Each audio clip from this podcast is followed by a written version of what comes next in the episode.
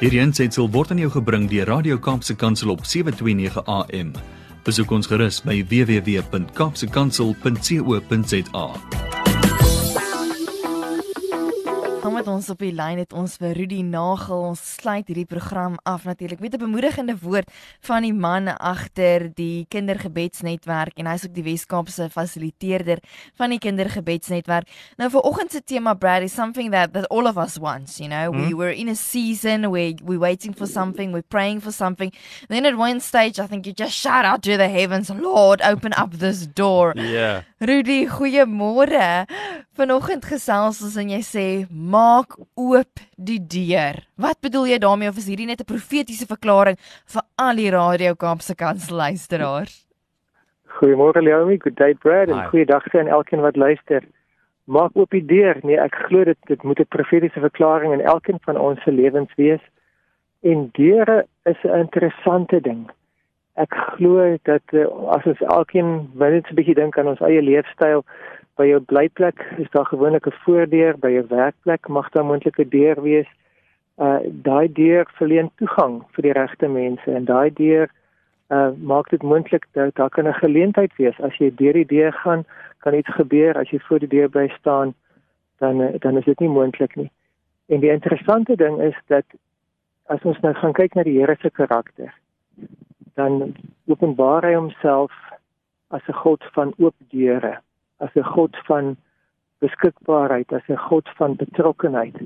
Hy kruip nie weg agter 'n toedeur nie. Hy hy werk nie op 'n 'n basis waar jy moet 'n geheime kode ken voor jy kan inkom nie. Hy hy het homself bekend gemaak van sy kant af. En as ek maar net aan twee verse in Openbaring hoofstuk 3 dink, dan Op- Openbaring 3 vers 8 sê, "See I've placed before you an open door that no one can shut. See I've placed before you an open door that no one can shut." En dit dit is boonbehalwe dat dit spesifiek in daai konteks met daai gemeente praat waar hy daar praat, is dit ook 'n openbaring van wie God is en hoe hy wil teenoor ons wil optree. Hy wil beskikbaar wees. Hy wil toeganklik wees.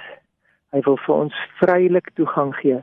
Die Hebreërs sê ons kan met vrymoedigheid vrylik toegang hê tot die troon van genade. Dit is dit is dis die God wat ons dien en dis die God wat ons meer en meer moet leer ken, die God van oop deure. Die interessante is net 12 verse later Openbaring 3 vers 20, daai bekende vers sê, kyk ek staan by die deur en ek klop. As iemand my stem hoor en oopmaak, dan sal ek in, ingaan en sal met hom feesmaal hou. Net van tevore het hy gesê ek ek, ek, ek sit vir jou oop deur en hier sê hy uh, ek klop by die deur, die deur is toe.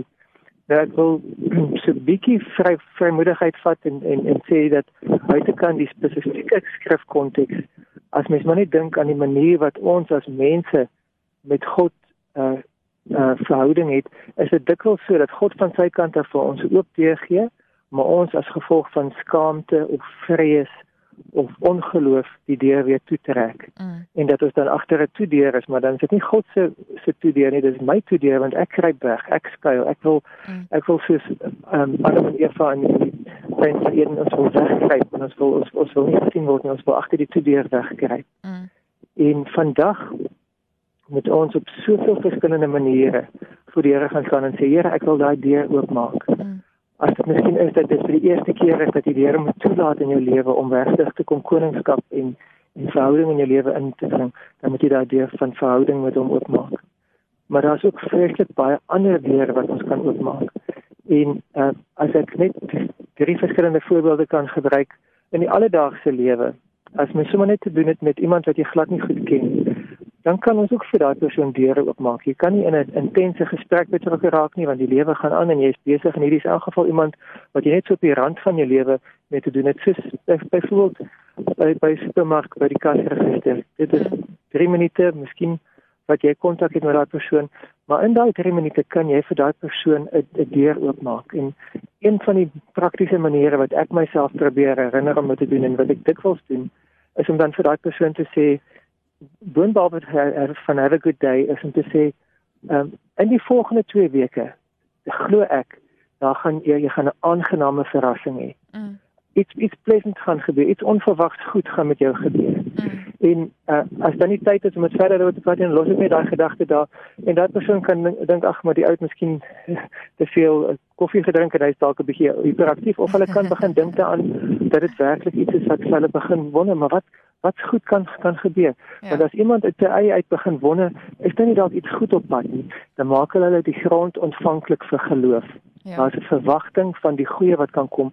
Daar's 'n stukkie hoop wat geplant word. Ons het twee weke terug gepraat oor fonteine van hoop en hierdie is een manier wat jy hoop kan uitsprei om te sê mm. daar's 'n verwagting van iets goeds op pad want want wanhoop is om net rond te loop en te sê alles gaan tot einde dis die einde van die wêreld dis die einde van die ekonomie dis die einde van ons land ons moet ons, ons moet almal net uh, moed opgee dan is jy mm. besig om wanhoop te versprei mm. iets slegs is op pad iets slegs gaan kom dan dan is jy besig om donker te te, te sprei maar as jy die verwagting versprei van iets goeds is op pad something pleasant is going to happen in the next 2 weeks to you ja. dan dan is daar 'n saadjie van hoop wat kan plant en die Heilige Gees kan daai saadjie verder vat en iemand anders kan met daai persoon verder praat en hulle kan meer en meer van 'n verwagting hê. So dis sommer net so in die verbygaan wat jy mens kan loopsaai. Maar dan kan jy dit op 'n baie meer intentionele manier. Ons het almal vriende, ons het mense met wie ons op pad stap. In tydens lockdown het ek voorreg gehad dat een van my vriende het gevra kan ons nie net van tyd tot tyd saam met 'n WhatsApp call uh, Rudy, Rudy, sorry, I'm, Rudy, I just want to jump in here quickly. It's very, very windy where you are. I wonder if you can find a sheltered spot. We're struggling to hear you through the wind there on your phone. So thanks for that, Brad. I'll, I'll do my best. Thanks so much. Sorry there. Uh, okay, thanks for that. Um, een van my vriende omdat hy 'n uh, uh, jong enkellopende persoon is en uh, hy het nie uh, iemand wat saam met hom in in in sy woonstel bly het was regtig baie keer eensaam geweest. Mm. En ons het goeie gesprekke gehad, gesprekke van ehm um, net om te hoor hoe dit gaan met hom in sy geestelike lewe en wat ek deel wat van my kant af en gesprekke van oor sy werk en ons het saam gepraat oor verskillende dinge. En hy is al meer as 10 jaar uit die skool uit en hy is enkellopend en ek het gedink as hy ooit van sy kant af praat oor verhoudings, dan sal ek graag met hom wil verder bespreek. Ja. Maar ek gaan nie van my kant af die saak aanroer nie want ek dink dit is dit is sy persoonlike keuse. En toe nou in laasweek het ons jy sien so in Jack Miller Park waar ek nou so in die wind staan, het ons onder 'n bankie gestaan en hy het gesê hy voel nou vir die eerste keer in sy lewe gereed. Mm. Hy voel gesond genoeg in sy binneste mm. om 'n ernstige verhouding te te, te probeer oorweeg. Mm. En ek het met hom gepraat. Ek is, is 'n goeie 20 jaar ouer as hy. Ek het uh, meer lewenservaring en ek het met hom gepraat en hom gesê maar hy moet dan aktief die Here soek. Maar hy moenie net die Here soek dat die Here vir hom 'n uh, uh, bereid na sy kant te bring nie, maar hy, hy moet die Here soek van wat moet hy doen om aktief homself te posisioneer op plekke waar hy mense kan leer ken. Enkellopende mense waar hy 'n verskil kan maak mm. en waar hy soos 'n ouer broer vir 'n klomp susters kan omgee. Mm. En uit uit, uit daai susters uit mag dit dan moet moet ek dan 'n regte verhouding uitkom en ons het uh, daaroor gepraat en ek het ook onder andere hom gesê ek gee vir jou toestemming om te gaan soek vir jou vrou. Nou, ek is ja. nie sy pa nie, ek is ek is uh, sy vriend, ek is sy ouer broer en here. Maar die feit dat ek vir hom toestemming gegee het, iets om om hom wakker gemaak en hy het nou gevoel hier's 'n oop deur waardeur hy kan gaan. Mm. En ons het nog is dit opgestaan van die tafel waar ons gesit en gesels het en dit was nog nie eens 'n minuut van dat ons begin opstaan het van die tafel af. Ek het gespreek met sy moeder en ek was nog besig om hom te sê jy moet nou nie dink dat jy gaan binne die volgende eerste week sommer met 'n bokkie oor die skouer aankom soos 'n jagter nie. Dat hy en en en, en hy lag toe daaroor net soos wat julle nou lag en in die lag toe kyk hy af en hy hy buig af en hy tel van die van die plaveisel af dan hy 'n trouring op. Ja. En uit die bloute uit is hier hierdie trouring wat op die, op die grond lê. Wow. Nou dit dit is dit is nie te sê dat hy gaan binnekort trou nie, dit is nie noodwendig 'n teken van enigiets nie, ja. maar dit is net dat daar 'n 'n versekering kan wees dat hy kan hy mag hierdie saak verder met die Here bespreek. Hy mag verder hy toestemming om oor hierdie saak met die Here in gesprek te wees. Ja. Ons het die parkbestuurder laat weet en as die eienaar van die ring dit opeis, dan gaan dit weer terug na sy regmatige eienaar toe. Maar intussen is dit 'n herinnering vir my vriend mm. dat hy kan in hierdie saak het hy toestemming om deur die deur te gaan te ondersoek wat hy verder kan doen. Ja. Nou ons as ouers het, het daagliks die geleentheid om vir ons kinders toestemming te gee. Nie net oor die dinge wat hulle mag doen en nie mag doen nie, maar ons moet veral vir ons kinders ook toestemming gee om te droom. Ja. Ons moet vir hulle die toestemming gee dat hulle mag groot dink. Hulle mag dink oor die toekoms in 'n positiewe sin. Hulle mag 'n 'n verwagting hê van goeie dinge wat op pad is.